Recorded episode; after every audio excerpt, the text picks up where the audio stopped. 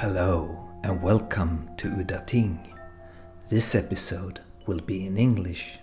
And in this episode, we will reunite with Blade Runner and Blade Runner 2049 writer Hampton Fancher, who makes his third appearance on this podcast. First off, if you haven't heard the two previous episodes, I highly recommend you go back and listen to them. To the one and only and always entertaining Hampton Fancher. And then, if you're hungry for more, I could recommend you the documentary about his years in Hollywood called Escapes, directed by Michael Almereyda. I think it's available on DVD. And I would like to start this episode with a quote from Ridley Scott talking about working with Hampton on Blade Runner. I spent more time with Hampton Fancher than I've ever done with any writer in my career. A, I loved him, but he was such a great, marvelous mind. And um, we sit there day after day for five months, kind of re, not rejigging, but growing the script. After my two previous podcast episodes with Hampton, I finally met the man himself in the summer of 2019 in his home in Brooklyn. When I called him on the phone to tell him I was in town, he answered, imitating a little old lady, and when I finally called his bluff, there was a roar of laughter coming from the other end of the phone. Typical Hampton. I also remember that his name was misspelled at the doorbell to the apartment building, saying Francher instead of Fancher. I took the elevator up to the top floor, and there in the darkness, at the end of the long corridor, a door opened. A gaunt figure with wild hair, unbuttoned Hawaii like shirt, and a scarf wrapped around his waist like a skirt, invited me in, and we talked about the paintings on his walls, his mummified cat, and books. But he was stressed, and the phone kept ringing every 10 minutes. He was being chased for a deadline on a book, a book titled Simulacrum, a sequel to Blade Runner that a company wanted to option for the possibility to make a third Blade Runner film. And that was my first question for Hampton this time. When I visited you in New York, you were working towards a deadline of uh, the book, the new book you were working on, the Blade Runner sequel, um, uh, Simulacrum. Simulacrum. I didn't write it like a screenplay. I didn't write it for necessarily a movie. I wrote it. I told them I wanted to write freely. I, I told them that um, I didn't want. I probably already told you all that. I didn't want to to to be strapped to any of the of the Blade Runner concepts, except in the most minimal way. Maybe I would use something, and I did. I used a couple of things. I, there's a there's a, a character, a figure, who's called the Dead One, and uh, he's this hollow-eyed, mummified person who is worshipped and by a certain faction of crazy people who are not even people, but um, who is who, it looks like he's probably Tyrell, you know, the guy who invented the, the replicants, and um, you know, so so there was some some allusions to Blade Runner, but I don't know. I don't think anything will happen with it. I think it might go into a to a book form, you know, maybe a graphic novel or something. I'm not sure because we're talking about certain things, but I don't. I don't. And if after a graphic novel, huh? So who optioned it? Was it Ridley's people? No. Well, I mean, it's those people who made the last Blade Runner, but Alcon, yeah. But uh, but Ridley wasn't involved in this. I guess he has, if he wanted to be, I guess he could be involved. But I don't think there's an involvement for it yet. But anyway, that's what. But, but that simulacrum is a. Um, I mean, I. It's to me, it's not experimental, but I think in the world at large, they would call it an experimentalist kind of enterprise because it's very different. Uh, I mean, not very different, but I flatter myself. But it's it's like I wanted to explore consciousness of the replicants and what their experience is. And so that's how I wrote it. it was, it's, it's very dreamlike. It's like inside the, it's in the consciousness, what the consciousness of the replicants are. And there's characters. I mean, there's, you know, there's characters and there's, uh, but there's not a conventional narrative. It doesn't go from A to B to C because it's in the mind. It's in, it's more dreamlike. That's pretty brave because you, of course, you know they want something commercial. Oh, I don't know. It's brave. I said, listen, one thing there's not going to be, there's not going to be zoom, zoom, zoom. There's not going to be any uh, neon shit and no guns and all that. It's going to be crazier. Oh, okay, okay, fine, go ahead. And they always say go ahead, but then, then you know, then then I think they're disappointed. Uh, I have to ask you. I don't know if you, if you were fucking with me, but uh, you told me some time ago that uh, in the first, an early draft of Blade Runner, uh, you kept the character of Buster Friendly from the novel, and uh, he had this mechanical dick that when he unzipped his fly, it would come out and give him the answer to certain questions he needed an answer to. You know, I was that was the truth. That was the first. Uh, I I never, you know, had anything to do with science fiction or computers. I didn't even know what a computer was. I, mean, I knew the word, but I thought, okay, what what if he has like a an apparatus that he unzips his fly and this thing pops out, and then ticker tape comes out of it and gives him the message. You know, tells him what he wants to know. And that was the first idea I had of a computer. Yeah, that's true.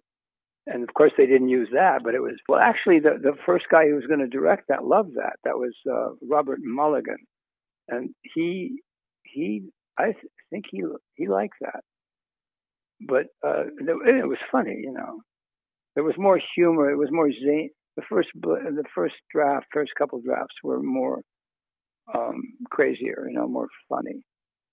There was uh, that and, and, and other zany things that you know, absurdist Marx Brothers kind of things that happened, you know. Uh, but that slowly got taken. Out all those things were, you know, excised finally. I don't know if you remember this, but last time we talked, we talked about Blade Runner 2049 and the Vladimir Nabokov uh, uh, reference in there. The Nabokov, yeah. Yeah, and I thought that was your ID, and you said no, it wasn't your ID. And I talked to Paul Sammon later on, and Sammon thought it was Denis Villeneuve's ID. And finally, I found an interview online where Michael Green actually said it was his ID. Yeah, for sure. Yeah, it was him. In fact, there was a couple things in that movie that are rather cerebral or rather intellectual, and that that it, one would assume, considering Michael Green's background and what you could you know guess because of my background, that it would have been me who would have come up with a couple of those things that are really heady, and uh, it wasn't me at all. It was totally him. And there was another illusion in there beside there was this is the Kafka and the Nabokov, and there's even another illusion. Treasure Island. No, that I hated that. I thought that was the worst thing in the movie was as a kid. Thought that was stupid, and the black guy. I thought it was you know pathetic. But although I love how that the arrival of that I adored, and I love the directing of the arrival. I mean, flying into that place, getting shot at, and that was like one of the great sequences in that movie for sure. Speaking of Blade Runner 2049, could you talk a little bit about your meetings with uh, Denis Villeneuve? I met him before and I met him after. I talked to him during on the phone once or twice. All I all I have to say about that, I mean, the main thing about that, about my contact with Denis, is that he's just a wonderful person. I've never met anybody who is at once as modest and so strong. If you had him as a friend, you'd be happy. Uh, he's that kind of guy. Well, you inspired him. He said uh, something along the lines of that he was uh, he, he, came to you for advice and he was very nervous about making that film, and you calmed him down and said, "Don't put all of this pressure on you, man," or something like that that nervousness. I, I, I know he, he's told me that too, but but it was you know you don't see nervousness in a panther, you know, or maybe you do in a panther, but not in Denis. But but he didn't seem uh, you know that way. I mean, he he said he said as much. He, I mean, when I met him, he talked about you know, it was almost like me, I felt like a Russian aristocrat meeting a guy on the land, you know, a peasant you know, he had, had his hat in his hand. You know, he was very, very humble and and and happy to meet. and I was I was why you know it's like you know I'm asshole Fancher, and it's like you know and and you're you're this guy who's done all this great stuff. Anyway, but he was yeah he was very nice, but also he's very very smart. Yeah, that combination of that kind of you know Miles Davis chops, he can play his fucking axe, you know, and he's kind of sexy, you know. He's got a a twinkle, a verve to him. He's he's a great guy. I don't know him. I mean, I just was with him a couple times and talked to him twice on the phone and twice in person, but maybe thrice in person. Well, as I said, you inspired him. Uh, you talked a lot about dreams, and uh, all of us involved in Blade Runner, we just dreamt a lot. And uh, I, I quote you here uh, on saying that dreaming is my main occupation. I rather dream than be alive. True. I mean, that's a fact. That's. I mean, I think what I mean. I I have thought about that, and I've been asked about it, and I think I think everybody's the same um, to one degree or another. When they're children, they're like that that's what they do. They they suck their thumb and they look at the wall, and that's what I did. And I think most people, you know, get you know, waylaid by the reality principle, you know, school, whatever. And I didn't run into that so much. I resisted what little bit I had. I didn't participate too much. Reality for me conspired was to not push me too hard in that world like you know i mean i had pushing you know the school the parents all that but they didn't push too hard or else i would have you know become a killer or committed suicide or something but so that was i had had good luck and i don't know if it's good luck it's just what i am but it's i guess what i'm saying is I, I didn't have a lot of obstruction to continuing the dream I mean, not that my life is some fancy dream, but it it is. That's what I do. I mean, I, I mean, I don't. I mean, the dream is too extravagant of a word. It's just, you know, I just um, suck my thumb. You know. Well, that seems to contradict my uh, idea of uh, a dreamer. Well, you know, uh, that a dreamer is somebody who's uh, not very fond of life, that is trying to escape life. And you seem to have had a pretty fun life. Well, my life was always dramatic. I think I was living in the movies. It was like a movie to me, always, everything. I was just dreaming that this was going to happen or that would happen if I just do this instead of that. And I would do those things because I was dreaming them to be true. I did. I was too dumb, or too dreamy, or too naive, or something, or too headstrong about it to. to they don't do that, Hampton. That's insane. You know, or that that's not going to work. Don't even think that way, because you're going to fuck up. But that mindset must also have helped you some. Oh, but it helped me every day. Not only later on, like now I lie in bed and I think about things that happened in 1954 and I'm enthralled. You know, or I write something because of it or whatever, I'm enthralled. Or when I was doing those things, um, the only difference between looking back and the actual happenstance was there's not as much pain when you're looking back. You know, reality delivers loneliness and and uncertainty and all sorts of things. But still, I'd rather do that than sit in a classroom and, and not. And the only reason I couldn't sit in the classroom is I couldn't understand what they were talking about because I don't I don't learn well. Okay, so are you working on any story at the moment? I've been working on a story for a while, but I'm not working on it enough. It's autobiographical, I, like most things are in one way or another. You know, it's it's a story of a child who lives with crazy people uh, in a certain time in our recent past, 40s. And I've been, working on that for on and off because I, I conflated two things that happened.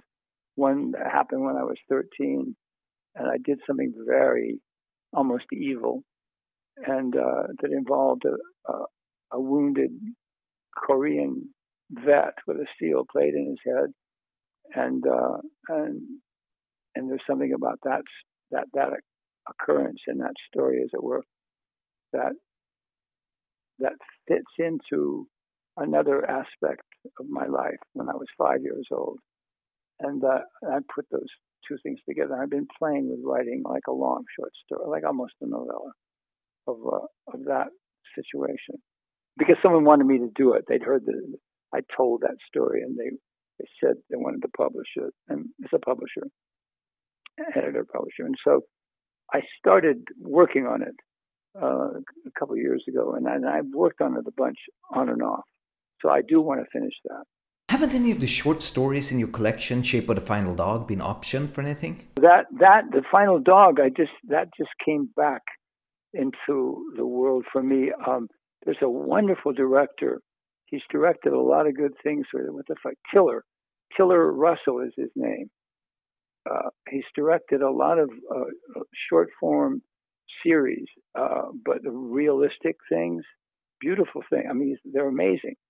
And he read uh, those short stories, and there's the one short story that has this in two parts called The Black Weasel, and he wants to make a movie of that. And so he called me recently, and we talked about it. And now, and and I looked at all his his work, and uh, I was really impressed with him. I like him a lot. And so he he wants to work on on the Black Weasel. It's a two part short story in that book, and um, and I want to do that. And so, I mean, I'd like to write that for him. I, I know there's trouble already. I, you know, to finance those things, you got to have somebody with a name, you know. And I have, I wrote it for a certain actor uh, who I love. He's a he's a cowboy star musician. Dwight Yoakam. Yeah, and and uh, and I want him. But watching him, I mean, I mean, working with him when I when I worked with him, uh, that's why I wrote the Black Weasel, uh, the white guy in the Black Weasel, Spence Spence Hooler. Okay, so let's talk about your opera, Salvation. I've read an early draft of it that you sent back in 2018, and I saw the black box recording of it. Yeah, that guy. In fact, the guy who directed, uh, who conducted the band in that, uh, I just read something about him. He's really good. Um, uh, Jayce Ogren. He conducted uh, a, a wonderful thing I wish I could have seen. Is uh, uh, in in Stockholm, the Royal, uh, the Rufus Wainwright thing, um, Prima Donna. I don't. I guess you don't get up to the big city too much. No, not too often. I'm stuck down here in Malmö. yeah, you got to stay down there and eat your potatoes. You know, you have to wear shoes and all that stuff. That's the naked truth. But yeah, okay. Anyway, how did you come up with the story for the opera? It was it was an image I had of a of a character, and it was a martyred character, and it was and I thought of I've always been interested in three graces, whether it's Renaissance, Bellini or or or even I mean, more modern Rodin things, but the three women and I had and I had a vision, like a, not a vision, but I just thought of a of a martyr. Like I'm interested in Saint Sebastian, and I thought of this young guy, an innocent, and then three women, evil, around him. And I started playing around with that, and then I just started writing, and so wrote finally three acts. It's kind of a metafiction, science fiction kind of thing. Savonarola meets Billy Budd. Always Billy Budd. I'm interested in. Eh, I mean, someone who doesn't belong. What's this interest in Billy Budd? I don't know. I think it's that that I I've, I've always had since very young. I've always and maybe it's self-reflecting in some way, but it's idea of a guy who walks into a world where everybody understands the rules and he doesn't. Not that he's confounded even.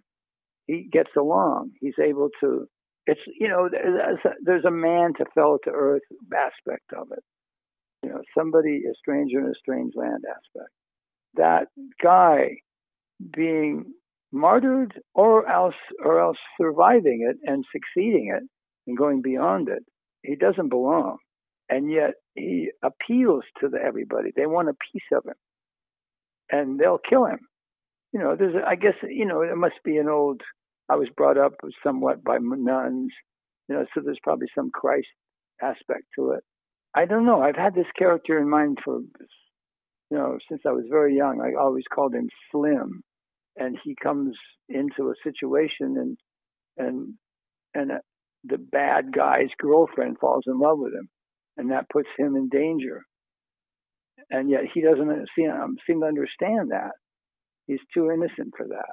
Otherwise, he's too sincere in a way. But he he doesn't he doesn't know how to play the game, and they want him to play, and so he tries, and they get mad at him for that, and they hurt him for that, and uh, and someone tries to help him for that, or save him for that, and that character and that predicament, I think is probably I think because I went to a, a new school every year for the first six years, and uh, that was me too, I guess. And maybe I mean I never said that before in my life, by the way, but I just said this then. That, I mean that was me. But now that I think of it, you know, that was me in a new school every fucking time. I appealed to people, and I also was vilified by people. And I think that goes on. I mean, always in my life.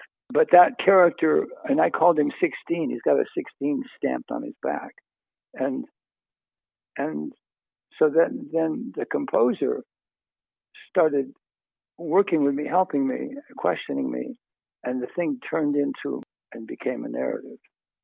And and I I think it'll be done in I don't know another couple of weeks or so, three weeks, four weeks, and um, and and the music is like it's Penderecki meets Prince, you know.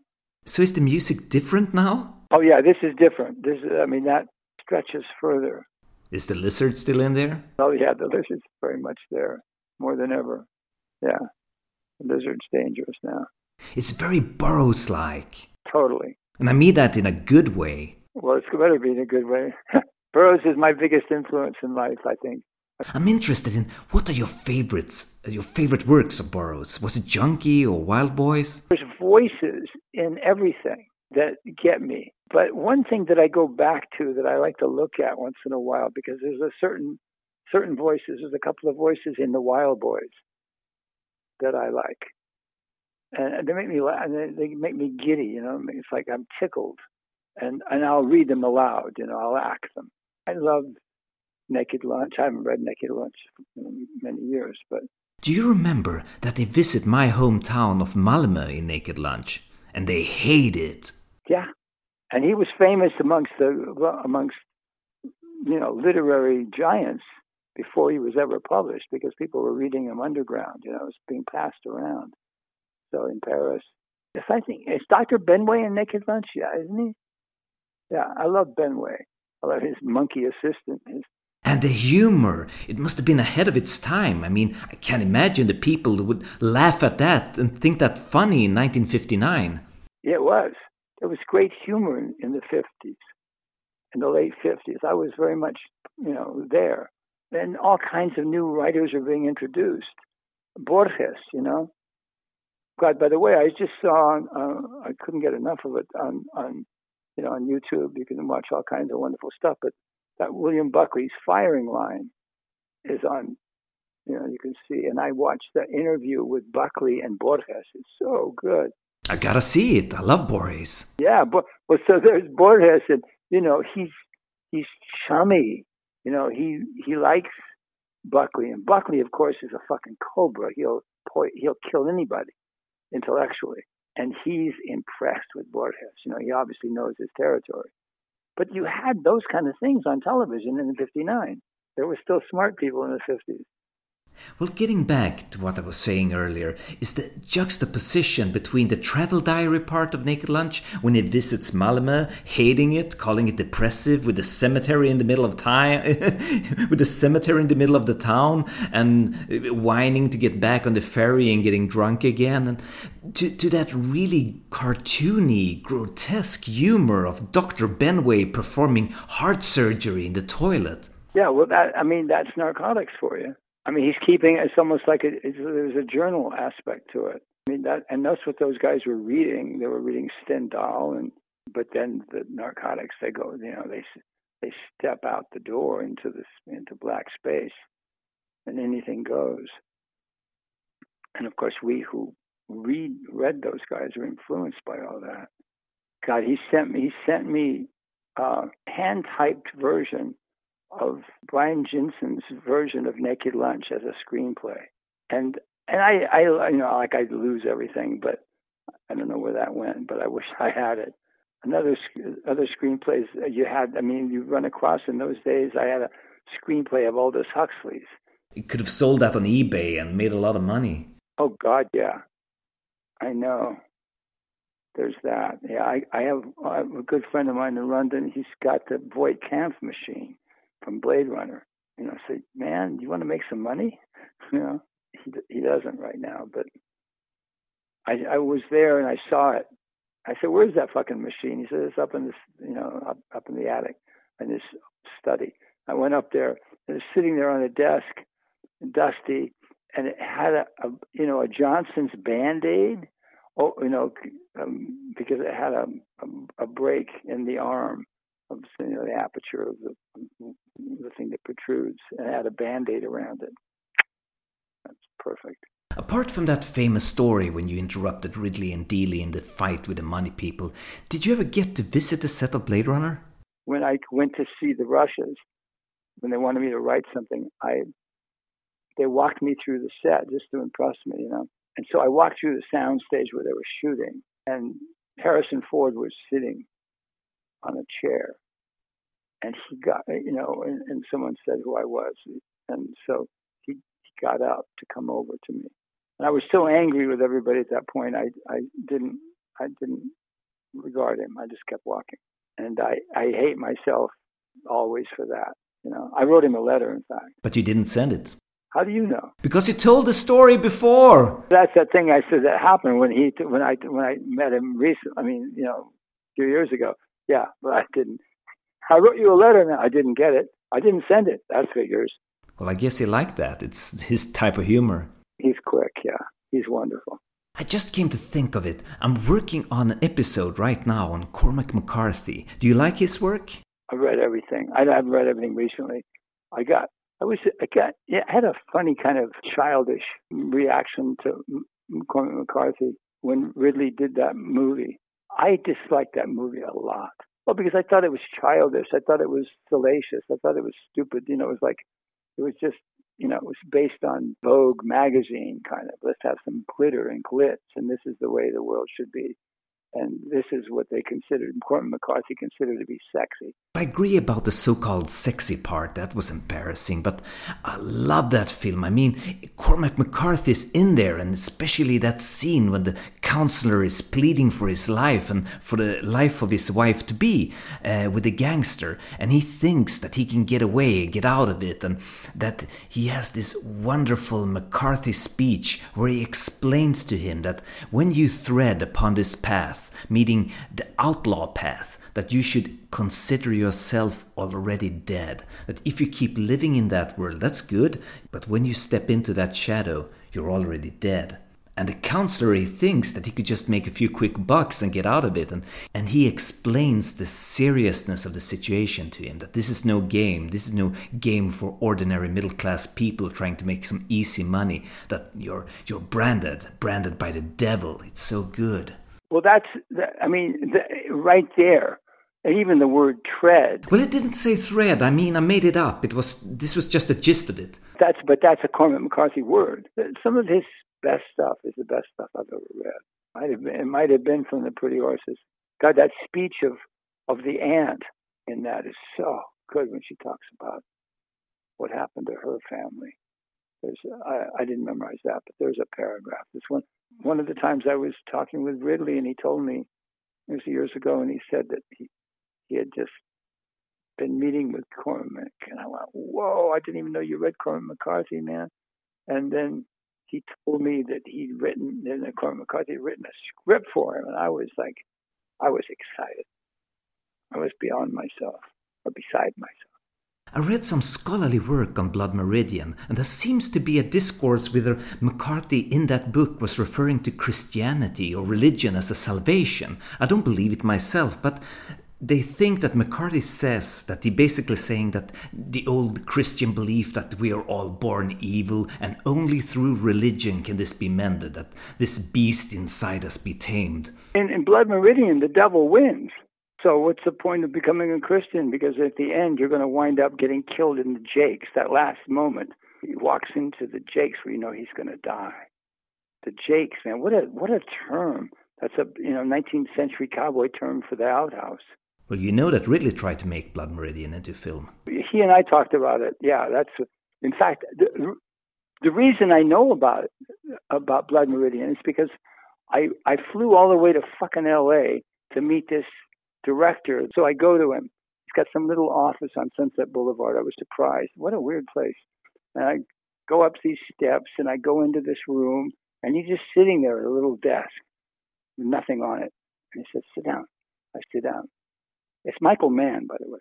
And then he look, he just stares at me, and he said, "So, I've been wanting to meet you." You know, I said, "Good." And then he's got a book, and he doesn't show it to me, but I can see he's got a book. And then finally, he puts it up on the table, on the little table with nothing on it, not even a phone, I don't think. And he put, puts the book there, and he takes his hand away so I can see it, and it says Blood Meridian, Cormac McCarthy. I don't know who that is. He said, "You know this?" I said, no. He's, and then he pushes it closer to me. He said, take it. I said, okay. He said, call me after you read it. Bye. Boom. I didn't hear from him again. You know, he never called me. I didn't call him. I didn't know what to do. I read the book and I when I went nuts. You know, I said this can this will never be a fucking movie. At some point, right in there, I don't know when this was, late '80s. I told Ridley about it. I said, I want you, I, I, I, I butted him up toward it. I said, I want you to do a cowboy movie. He said, Yeah, I'd like to do a cowboy movie. I said, I got one in mind. It's, it's like, it's up the cowboy's ass, though. This isn't a regular cowboy movie. This is what it really was. This is about leather and blood and dust and shit you can do, you know. And I, I think I told him that. Ridley talked about it in an interview, and there was a finished script. I just looked it up. The writer of the script for Blood Meridian was William Monahan, the writer of films like The Bloodstone and Kingdom of Heaven. And if you look, you could probably find a copy of it online. I know it has been in circulation there. But ultimately, it said that he was advised against making it. It was too much for people to swallow. Oh, but could you just imagine Ridley making Blood Meridian? Could have been the next Apocalypse Now. Would have been an immortal classic. Right. Yeah. But it's but but, but you want the Coen brothers to make it, you know. I mean, what they did with the other Cormac McCarthy was pretty fucking. It didn't have you know. He, he wasn't going around, and the Coen brothers weren't going around trying to solve the, the quandaries of the audience, you know. Listen, I've kept you here for over an hour. I won't keep you much longer. Let me go, man.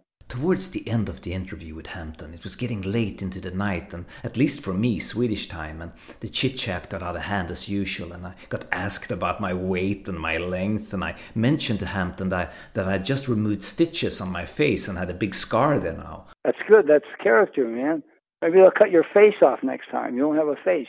Yeah, that'd be really sexy. Yeah, the faceless faceless porno king. Hey, listen, man, I want to be serious for a moment. I'm a, I'm a really big fan of your writing, and I think you're brilliant. Oh, thank you. Thank you very much. Be careful. Watch out for the COVID.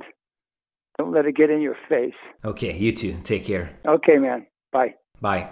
And that is the end of this third interview with the one and only Hampton Fancher. I hope you have enjoyed it.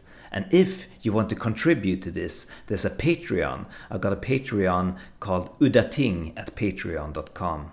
That's it. My name is Henrik Möller. The music was created by Testbild. Bye bye.